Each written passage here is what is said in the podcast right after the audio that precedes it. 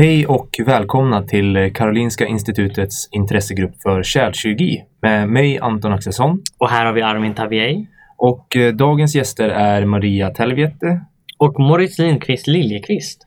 Det är ju nämligen så att eh, hittills har ni fått höra hur det är att vara student på kärlkirurgen och hur det är att vara överläkare på kärlkirurgen. Så nu har vi tänkt då att ni ska få höra hur det är att vara ST-läkare på kärlkirurgen. Det är nämligen så att både Moritz och Maria gör sin ST i kärlkirurgi här på Karolinska Universitetssjukhuset i Solna och har kommit eh, ungefär halvvägs båda två. Så tanken är att eh, vi ska ja, men, eh, diskutera lite grann med dem eh, hur de ser på att vara ST-läkare och eh, om de har några tips för de som skulle vilja börja och eh, ja, men, lite generella grejer kring att vara ST-läkare i stort. Så eh, utan eh, vidare fördröjning så klipper vi till dagens avsnitt.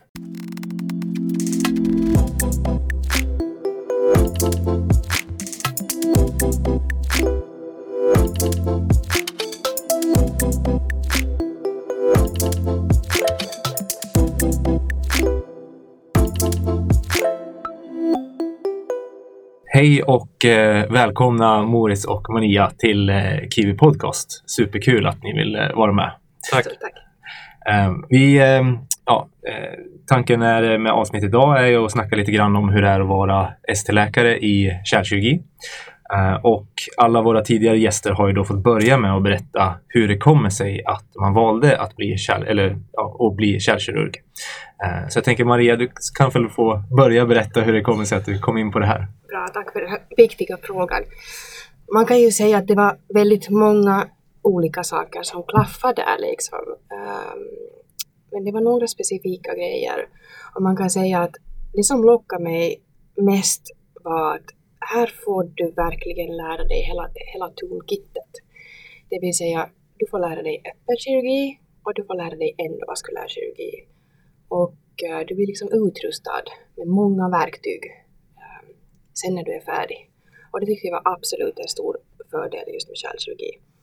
Sen är det många andra aspekter också, Moritz kommer säkert att nämna några av dem. Um, brett ålderspanorama uh, är en grej som är väldigt rolig. Vi får jobba med unga patienter och vi får jobba med äldre patienter och det tycker jag att det är väldigt, väldigt roligt. Sen så är det några roliga grejer. Det var just då när det var dags att, eller lite före det var dags att välja specialitet så kommer jag ihåg hur de här kollegorna snackade om hur viktigt det var liksom med handledsrörelser och hur man, hur man har instrumenten och hur händerna ska röra sig och hur, hur, hur det ska vara traumatiskt när man opererar. Och just denna detaljer var någonting som jag fastna för som en som har spelat fiol då när jag var liten. Att just det, nu är det igen viktigt det här med handledsrörelser. Mm. Så det var sånt som lockade mig. Ja, okej. Okay. Mm. Ja, vad säger du då? Ja, precis. Jag, jag började väl egentligen läkarprogrammet med, en, med intention att bli kirurg. Och, eh, och så funderat, det har inte ändrat sig så mycket egentligen. Eh, men jag tyckte radiologi var kul. Jag vickade lite på radiologen. Och så började jag forska med Rebecca och Joy som är kärlkirurger här på Karolinska. Och dels var de så trevliga och den forskningen var så rolig och kliniken var så trevlig. Och så, så småningom fick man upp ögonen för ja, specialiteten och de aspekterna som Maria tar upp då. Och då bestämde jag mig liksom för att stanna kvar. Så jag bet mig fast här och disputerade och vickade och så fick jag nästa till slut. Mm. Och vad, vad, tycker ni är roligast med specialiteten då? Nämna en sak. Men det, det är lite som Maria säger, jag brukar säga att det är liksom en deluxe extra allt specialitet. Det, mm. det är verkligen allting. Det, man tar liksom stora viktiga medicinska beslut um, och gör medicinska bedömningar. Um, man opererar öppet, man opererar endovaskulärt. Mm. Det är väldigt mycket mm. radiologi, framförallt CT, men även ultraljud och angio förstås. Så det är liksom medicin, radiologi, kirurgi, öppen ändå. Mm. Så det är väldigt mycket att lära sig men det är också väldigt eh, spännande att engagera alla de här olika delarna av ja, mm. läkaryrket. Mm. Mm. Väldigt bra blandning helt enkelt på det hela. Och det är mm. akut och det är elektivt. Och, och som Moritz säger, unga och gamla och angio och öppet. Och en fin blandning. Mm.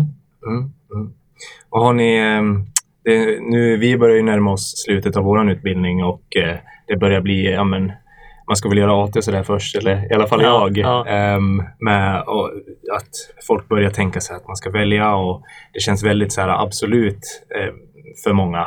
Att, eh, men, men har ni någonsin, alltså så här, har ni någonsin ångrat er eller tvivlat på, på valet eller har det känts rätt hela, hela vägen? Nej, men jag, jag har inte tvivlat på valet alls. Jag kan säga att jag, jag vickade nio månader på radiologen och det var väldigt kul. Och när, jag, när jag jobbade där och satt på den här akut CT-snurran tänkte jag det här är rätt roligt. Jag skulle också kunna göra det. Mm. Men då var det ju det här, äh, man tog emot en traumapatient eller någon akut kirurgisk buk. Och så när man har ställt diagnos så rullar patienten iväg då. Så fick man inte operera den alls. Så det var ganska tråkigt liksom. Så, där, så då kände jag det är nog, det var en väldigt rolig specialitet men ännu roligare att också operera. Exakt. Nej, jag har inte heller haft någon. Nej, inte nej, heller ja, någon det- tvivl ja, så här ja. långt. Det är positivt för oss då. Ja. Eh, Och ehm, jag tänker, vad tycker ni, eh, alltså vad har varit svårast med att börja, alltså så här, när man börjar en ST och går från, från att ha gjort en AT? I övergången där liksom. Också en väldigt bra fråga. Ehm, alltså det är ju det här med att plötsligt så är det en hel specialitet som öppnar upp sig och det är massvis med specialistkunskap ehm, som man plötsligt ska kunna eh, och vara liksom främsta experten för. Och det, det är ju en stor skillnad gentemot AT. Då kan man tycka där ändå AT bygger på allt det du har fått lära dig eh, väldigt specifikt att träna för. Och det är klart att vi har ju också utbildning och, och, och tränar på de källkirurgiska frågorna men det är liksom ändå nytt på ett sånt sätt att, att, att nu är det kärlkirurgisk expertis eh, som man ska Mm. kunna. Nej, precis. Det är det. I början av ST kan man inte fatta ett enda beslut. Liksom. Mm. Det är så Mm. svårt och det är oftast operationsbeslut och det är Mm. ibland ganska svåra operationsbeslut. Så det, Mm. I början så är man mest som en, en journalist som Mm, tar en rapport och går Mm. vidare till en överläkare och frågar hur ska vi göra liksom. precis. Mm. Medan man kanske var mer självständig känns som på slutet av AT. Mm. Exakt. Mm. Vad, vad fick ni, eh, vad får man, för ni gör ju båda ST här. Mhm. Vad, vad, är det, vad får man börja att göra? Vad är de första grejerna man blir ja, men lite sådär självständig i? Vi sätter in VM-portar. Sunkutala Mm. venportar. Det gillar vi. Så det får man hög volym på i Mm. början. Ja. Så lär man sig det. Och då, det är väldigt bra egentligen utbildning i början. Man får en egen opsal, Exakt. fem operationer, nu är det sex per dag. Mm. Mm. Och eh, det är ju liksom kärlkirurgi aminor kan man säga. Mm. Väldigt bra. Mm. Mm. Ett eget team och det kan också vara svår kirurgi ibland. Mm. Eh, Mm. så Principen är enkel men, Mm. men väldigt rolig kirurgi där man får kombinera egentligen lite öppet och lite endovaskulärt ibland med ledare när man har svårt att komma in med katetern. Så det är där man får grundprinciperna egentligen för båda Mm. teknikerna. Om man är liksom huvudoperatör då? För... Exakt, Ja, man får vara ja. huvudoperatör. Och framförallt har man ansvar för att den här salen ska gå runt och patienterna ska klaras av liksom, och ingen ska strykas. Det, Ja, ja. det är ett stort ansvar det också. Ja, det ehm, eh, fick jag också. Jag hade ju första vilket nu i somras och det fick man ju snabbt lära sig eh, vikten av det här eh, flödet. Saker och ting rullade på Det liksom. ska rulla på. Mm. Ja, men om ni tänker någon som, Eh, om man ser till någon som funderar på att kanske välja kärlkirurgi eller eh, ja, röra sig mot den specialiteten. Nu när ni ändå har kommit en bit in, är det någonting sådär som ni tycker att så här, ah, det här har man tränat lite grann innan på det här och känner att så här, ah, de här grejerna är bra koll på innan man börjar för att få ja, men, en schysst start. Är det någonting som ni har tänkt på så? Så vad man ska läsa på liksom, inför en kärlkirurgiplacering. eller? Ja, eller typ alltså, ja men både teori, teori så kan vara bra att kunna och eller typ, ja men alltså ligera kärl eller vad det nu kan vara. Eh, Jag tror det är väldigt bra att sitta med lite gratmaterial hemma och sy lite grann. Den där sommaren före jag började STN här så hade jag alltid med mig material på. Då var jag och jobbade på, på akutkirurgen i Enköping och, och gjorde jourer. Och då hade jag alltid med mig materialet och körde någon, Mm. någon patch då Mm. eller någon, någon anastomos och, och under jourerna liksom. Och jag tror att det, det ger en sån färdighet liksom att okej. Men jag hade ju kollegor då här som, som hjälpte till med det där. Eh, bland annat Iva och Mårten som, som jobbar här på kliniken som gick igenom då mina, mina patchar och alla stormos och hur de hade blivit och gav feedback på dem. Ja. Sånt kan man ju göra. Ja. ja, men gjorde ni det här eh, mentorprogrammet med Svenska kärlkirkeföreningen? Nej, Nej. det, Nej, nej det gjorde inte. Nej, det gjorde, vi var redan så involverade tyckte jag, Ja. liksom, med forskningen. just det. Men det är någonting då för eh, lyssnarna till exempel. Om ni är intresserade av kärlkyrka, då kan man ju söka det. Och det är ansökningsperioden öppen nu. Så sök! Sök nu. Ja, visst, visst. Ja. ehm, och eh, ja, alltså är det någonting ni speciellt som ni tänker på sådär att man skulle vilja skicka med alltså unga, de unga läkarna och, alltså så här, om man vill in i en operativ specialitet eller är det några tips eller någonting sånt där som ni tänkt på att så här, ni önskar att ni visste tidigare? Nej, men ett tips som jag har tänkt på kanske med unga läkare är att det, det är för lite träning på modeller innan man går in på operationssal. Och, Eh, när jag var en gång på utbyte i USA så sa de att eh, operationssalen är is where you perform, not where you practice. Så att man tränar hemma på modeller. Så när man tycker att nu är jag helt perfekt på subkutana och intrakutana stygn på modell, då kan man visa upp vad man kan på operationssal. Då måste man lära sig lite till som är liksom specifikt för en patient. Men, men jag, tror, jag, tror, jag tror man underskattar hur mycket träning man behöver hemma för att bli bra på någonting. Både när det gäller att legera utan att rycka för mycket i kärlet, sy, inte bara anastomoser utan även hudsuturer och för, att, för att verkligen bli perfekt. Det är den tekniska biten. Och sen teoretiskt då ska man alltid läsa på så mycket man kan inför en placering, speciellt när man är intresserad av. Det ger det mycket mer, bättre intryck förstås också. Och läsa på patienterna man ansvarar för också förstås. Mm. Det är basic grejer men det är ändå så sånt man måste liksom göra tid för sig själv i, Mm. i schemat eller vad man ska säga. Hinna med det. Läsa på specialiteten, läsa på patienterna. Om man är kirurgiskt intresserad. Verkligen försöka maximera träningen hemma i Mm. modeller. Mm. Mer än man tror. Mm. Det är ett bra tips. Och, och just det där med på något vis så, så länge som man är sådär ny i, liksom, inom området och inom specialiteten så, så länge så är man ju liksom på något vis mer eller mindre assistent för de andra som opererar eh, i och med att man själv ännu är så mycket under utbildning. Och, och då gäller det ju på något vis att försöka vara bästa möjliga hjälp till de här Mm. eh, som man opererar med och, och försöka assistera. Och en del av det är ju just precis som Maud säger, att vara väl förberedd för att det är också ett sätt att, att hjälpa till eh, där.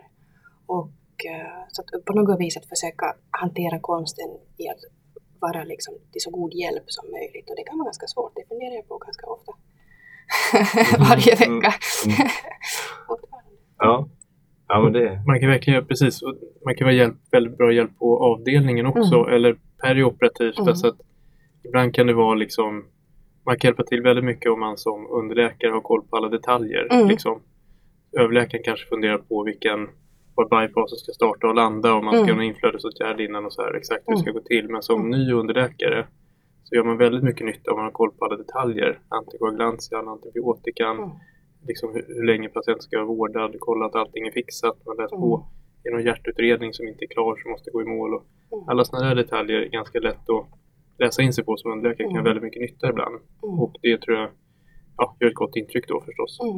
Kliniken. Och där kan man ha en aktiv roll, för annars händer det lätt att man är lite mer en passiv Mm. roll, att det här kan jag ju inte, så jag är mer som en åskådare, jag tittar nu hur det, hur det här funkar. Så att den här liksom assistentrollen och att försöka vara till nytta är, är ju liksom Mm. en, en sån aktiv roll som kanske hjälper till några unga Mm. och nya. Ja, men det är, Mm. det är bra tips. Verkligen. Och jag tänker, eh, ja, men hur ser det ut? eh, Det här är ändå ett universitetssjukhus och, och båda ni forskar. Hur, hur funkar det att ja, men forska på sidan av det kliniska arbetet? Tycker ni det, är det någonting som prioriteras under er ST eller alltså, finns, det, finns det tid över eller, eller tilldelas det tid till det?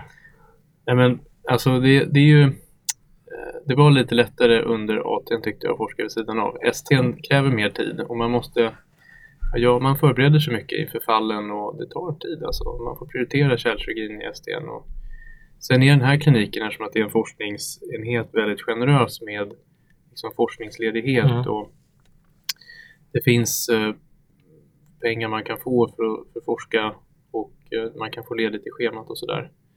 Så det är och sen är det alltid en avvägning hur mycket klinisk kärlkirurgi vill jag eh, missa för att, för att eh, göra min forskning. Och då, eh, ja, det, all, alla lösningar är säkert bra men du har valt att göra mycket mer kärlkirurgi i början av STN. Så kanske eh, man kan öka forskningen lite senare. Men, eh, men det förväntas ju att man ska forska parallellt vid kliniken på eh, Karolinska generellt tror jag, men framförallt på kärlkirurgen. Och eh, vi har ju båda disputerat innan, det hjälper lite. Då kan man bara ägna sig åt forskning och inte olika doktorandkurser och Mm. obligatorier. sådär. Mm. Men, men man ska ju, tanken är att man ska driva forskning och Mm. publicera artiklar eh, och klinisk relevans.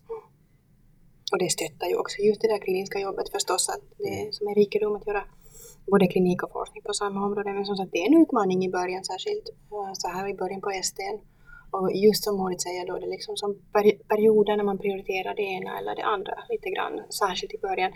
Sen blir det ju mer och mer, liksom, ju, ju längre in man kommer så blir det ju att lära sig den där balansen och göra lite allting mer eller mindre parallellt. Uh, Och det, och det är inte helt lätt. Det handlar ju om att organisera och på något vis känna sig själv och veta hur man disponerar tiden man har i veckan som är given till oss alla. Uh, En, en riktig utmaning. Jag tror att de flesta skulle skriva under att det är en utmaning faktiskt. uh, Som man får, får lösa på något Mm. vis som passar en själv.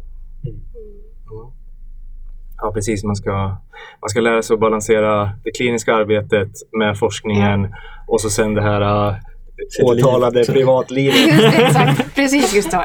En bra balans mellan dem. Ja. Mm, det är viktigt. Mm. Ja, men på tal om det, har ni, har ni haft något liksom längre uppehåll liksom under STN eller har ni, har ni några barn? Alltså så här, hur ser de möjligheterna ut då? Eller är det liksom en paus på det till, tills man är klar med, med STN? Men jag tror, ja men alltså föräldraledighet och så, det är klart. Det är ju Ja, eh, det är okontroversiellt såklart Mm. på kärlkirurgen. Men eh, inga andra uppehåll har vi nog inte haft. Eh, det skulle vara om man tar, till exempel om man är i slutfasen av sin doktorandtjänstgöring, att man tar Mm. eh, forsknings eh, tjänstledigt för kliniken. Mm. Men, men eh, Sådana har jag haft just då när jag, Mm. disputerade när jag redan hade börjat i nästa så sådana perioder hade jag att jag mm. fick helt enkelt forskning 100 procent och de behövdes nog. Men jag tänkte man gjorde någon sån här jorden runt-resa. Behåll från det hela. Och hämta sig. Sitta och finna sig själv någonstans. Ja. Komma tillbaka som en ny. Ja, Exakt, det låter roligt men nej, Ja. sådana vi inte Ja. Mm. Har ni, eh, hur ser det ut? Är ni på kärlkirurgen? eh, Nej, du vet jag är på, på plastik nu, men hur är det? Har ni några obligatoriska randningar? Är det någonstans ni måste vara utöver på, på kärlkirurgen? Vi har obligatoriska randningar, ja.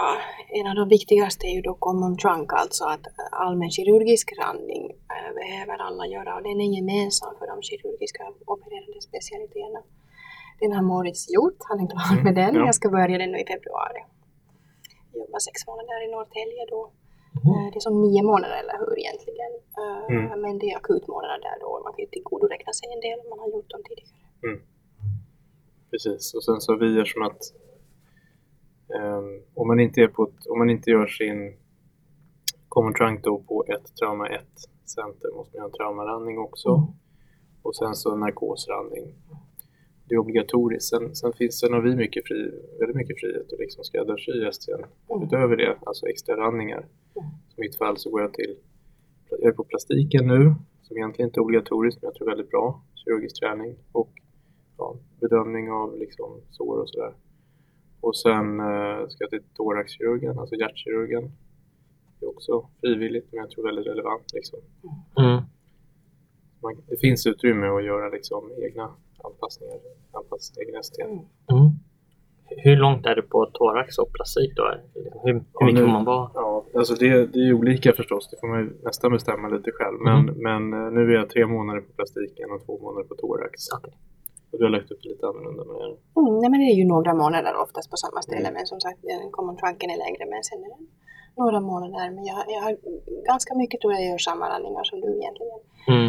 Ehm, sen har jag tänkt lite att jag ska jobba med angiokollegorna uh, någon månad också. Mm. Ser fram emot. Eh, Ja, så man, man, man kan ju som sagt skräddarsy och välja lite som man tycker är kul. Mm. Och hur brukar det vara om, liksom, med utbildning när man inte är på sin hemmaklinik under SCN? Är, det liksom, är folk lika engagerade av att lära ut till liksom kärlkirurgistläkarna. Ja, men alltså, det varierar kan man säga. Ja. Men jag tror det styrs mycket av vad enheten har för behov. Liksom. Mm.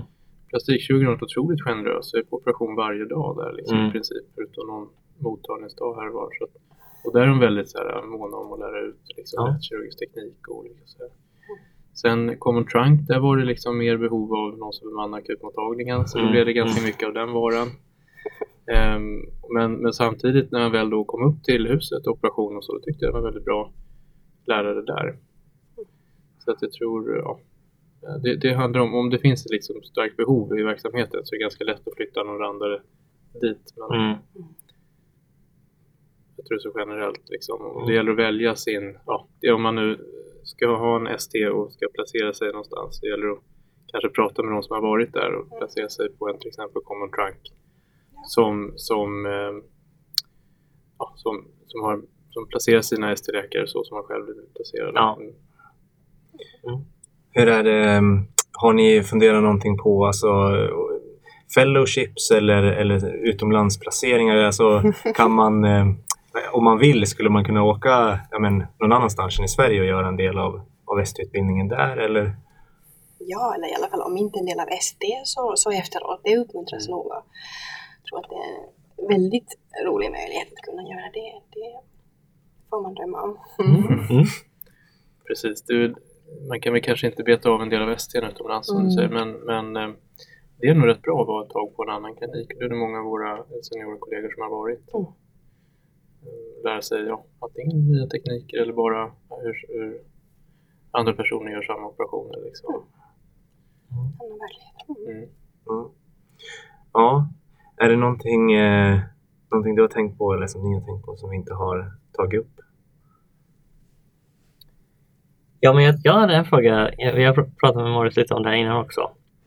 Men när du var i USA, ja, har ni haft någon mer erfarenhet liksom? Eller hur var det i USA när du var på kärlkirurgen där liksom? Om du jämför med USA och Sverige. Du var ju där som läkarstudent då, men Precis. Jag, jag, jag var på utbyte då till Los Ja. Angeles som läkarstudent i slutet av läkarprogrammet. Och då var jag på både thoraxkirurgen och kärlkirurgen. mm, Då kan man säga att kärlkirurgen var en trevlig klinik, väldigt proffsig. ST-läkarna jobbar ju väldigt hårt. Alltså. Det är 80 timmar är något man försöker, liksom, inte något man försöker komma upp till utan något man försöker komma ner till i sin arbetstid. Liksom. Alltså 80 timmars arbetstid per vecka. ja. Och täta jourer och eh, omöjligt att få ledigt trots att mamma låg med bruten höft nästan döende på ett annat sjukhus i en annan delstat. Liksom. Så det var tufft. Men generellt var kärlkirurgen väldigt trevlig. Sen var thoraxkirurgen där kan man säga hade en helt annan arbetskultur än vad som skulle vara acceptabelt i Sverige. Det var, det var nästan eh, en obehaglig atmosfär mellan kirurger emellan där. Inte mot mig, men kirurger emellan. Och de var otroligt otrevliga, liksom giftiga mot varandra ibland. Mm, mm, Så var det inte på kärlkirurgen, men så var det på något Och amerikaner är väldigt högljudda och kan skrika svordomar mot varandra. Liksom.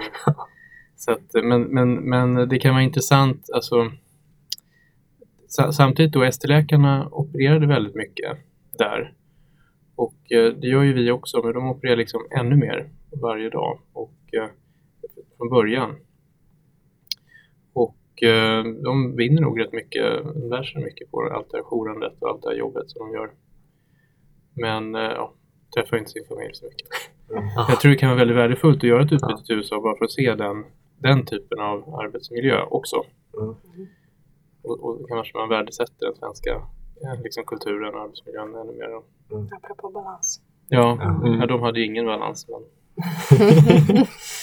Ja, men, ja, men på, på, på ämnet liksom arbetsbördan, så, hur ser det ut för er? Alltså hur, hur ofta går ni jourer och, och hur ofta får ni operera och sådär? Och... en, vad ska man säga, en typisk sån här vecka som vi har nu, som schemat ligger nu då, så har man väl två operationsdagar per vecka, en angiodag, ehm, en liksom kombinerad mottagnings och eh, ja, mottagningsdag kan man säga. Och så någonting till, kanske en halv operationsdag eller så. En typisk vecka och så ibland har vi konsultveckor när man har liksom konsulttelefonen och konsult för Region Stockholm då. Men det är ja, rätt sällan. Men, och sen så har man avdelningsvecka då och då. Man har liksom en hel vecka man bara är på avdelningen. Det är väldigt bra. Strukturen här är liksom att man, man gör det som står i schemat. Man, man försöker inte bli klar snabbt och smita därifrån för att komma till operation. Utan det, och det, det, tycker, det tycker jag är väldigt skönt. Jag är inte riktigt lagd så att jag kan ronda väldigt snabbt och springa ner till operation. utan- Nej, inte jag heller. Så jag är liksom lite tvärtom. Va? Ja. Så det är väldigt skönt mig att veta att när jag är på avdelningen då är jag där och då ska jag inte smita iväg någon annanstans. Ja. Och, så och, och samtidigt då när man är på operation så får man vara i fred och bara vara på operation. Ehm, det är väldigt bra. Och ja, det är ju en, vad är det, en jour i veckan. Liksom, Ja, i snitt tror jag en jour i veckan. Ja, ibland är det två. Eh, en gång är det tre, men det är nog undantag. Mm. Så regeln är väl en jour i veckan. mm. Ibland så har man en jourfri vecka. Jag vet jag många ST-kollegor har ofta två jourer i veckan. Mm. Vi har nog för det mesta en. Liksom. Mm. Alltså ST-kollegor i andra sjukhus. Och eh, så kan man säga då å andra sidan så om man är liksom regionjour för Stockholm så är det ofta ganska mycket att göra Mm. förstås. Det är en stor stad och många kärlpatienter som behöver hjälp ibland. Mm. Medan kanske i, i lite mindre sjukhus har man tätare jourer men lite mindre jourbörda. Mm. Mm. Men om ni då är alltså, konsult då för, för Region Stockholm och så ringer de och behöver hjälp från ett annat sjukhus. Åker ni dit själva då och ringer någon om ni behöver eller åker ni dit liksom ihop med någon om ni... Alltså hur, hur ser det där ut när man introduceras till det? Det beror ju lite på vad det är de behöver hjälp med. Alla möjliga bedömningar gör vi och åker eh, ensamma och tittar på kemiska fötter och händer och vad det nu kan vara, blödningar kanske och sådana grejer. Men sen om det är andra typer av frågeställningar, ruptur, då är vi ju alltid ett, ett stort team som stormar in. Eh, så att det beror på frågan helt enkelt.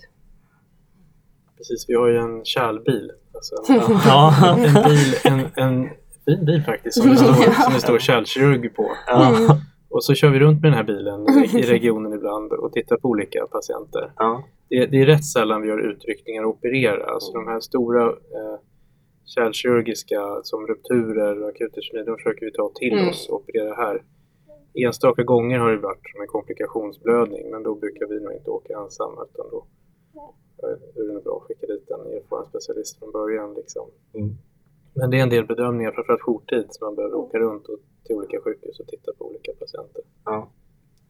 Eller saftblandare som ni kan ställa upp på taket om ni behöver. det.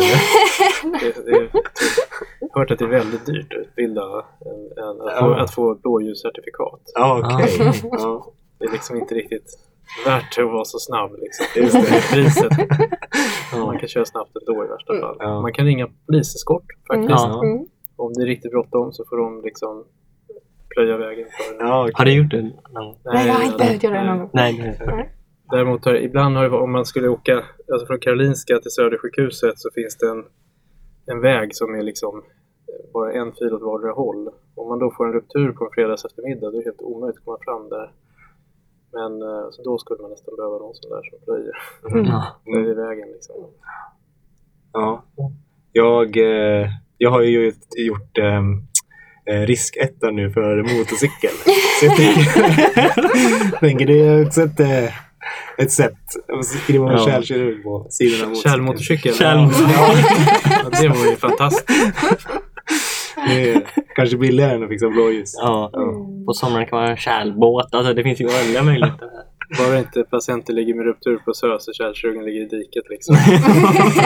Det är ingen hjälp av det liksom. Nej, nej precis. Det, Ett litet bil och motorcykelsintresse. ja, Jag ska välja det här. Mm. ja, precis. Ja, det kanske är... eh, Det känns som att då blir det en av få, en av få eh, läkarspecialiteter där det kanske är krav på B-körkort. Om man ska åka ut med bilen. Ja. Ja. Ja, ehm, och vad tänkte jag säga? Men ehm, om ni då eh, fredag eftermiddag inte ska spela in en podcast eh, så har vi alltid avslutat med att eh, fråga alla, ja men vad gör ni när ni får ut, ta ut kompen och eh, vara ledig liksom med fredag eftermiddag? Är det någonting, har ni några speciella intressen eller någonting som ni föredrar att göra?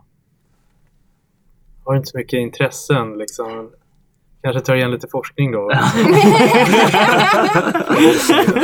Forskning på kompen. Ja, precis.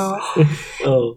Eller alternativ. Jag brukar gå hem och spela lite fiol och Mm. klappa på katterna. Eller sen så kan man koka lite kaffe och åka till ett naturreservat och Mm. landa lite. Mm. Trevligt. Ja.